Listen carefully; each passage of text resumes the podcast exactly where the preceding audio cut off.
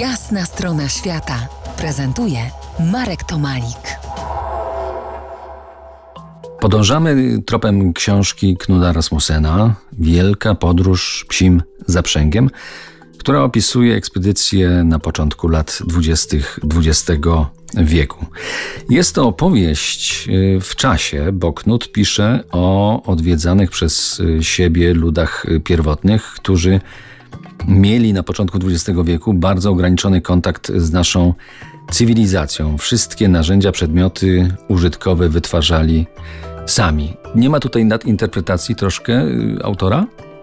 Ja bym powiedziała, że on tu wyraźnie pokazuje jednak w tej książce, że y, wkracza już ta kultura nowoczesna do, do życia Inuitów. Bo nawet właśnie y, ci pierwsi Inuici, których spotyka na terytorium dzisiejszej Kanady, okazuje się, że oni mają, używają emaliowanych garnków.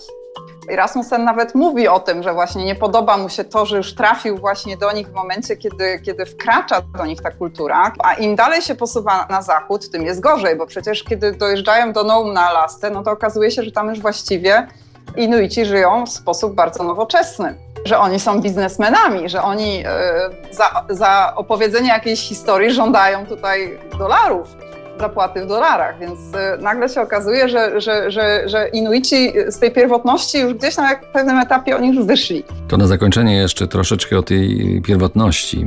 Mimo wszystko e, Knut pokazuje też y, moc zaklęć. Pisze, że łatwo im ulec, ale trzeba uważać, bo działają oczywiście dwie strony na naszą korzyść i niekorzyść. I w tym sensie jest to opowieść może i też o nas samych. Choć wydawać by się mogło, że z tej odległej perspektywy przestrzennej i czasowej ta moc zaklęć ucieka w tłumaczeniu, nieprawdaż? Tak. tak, to prawda. Y, Rasmussen zazwyczaj, y, jeżeli chodziło właśnie o zaklęcia, o takie nieprzetłumaczalne elementy wierzeń inuickich, starał się zapisywać je także w oryginale. E, I tutaj akurat w tej książce, która ma taki bardziej popularny charakter, e, mamy mniej e, tych zapisów właśnie oryginalnych. Zresztą tutaj on by miał trudności, bo każdy z tych języków trochę inaczej jest zapisywany. Akurat grenlandzki jest zapisywany alfabetem łacińskim, ale tutaj język inuitów kanadyjskich jeszcze inny sposób. Natomiast starał się, dodam, w swoich innych książkach, kiedy była mowa o kulturze grenland grenlandzkich inuitów, on się starał zapisywać właśnie te zaklęcia w oryginalnej wersji. Pod spodem było duńskie tłumaczenie. To tak mogę dodać na jego usprawiedliwienie. Niemniej sięgnijmy po książkę. Gorąco zachęcam. Y, to książka Knuda Rasmussena, która niedawno ukazała się na naszym rynku.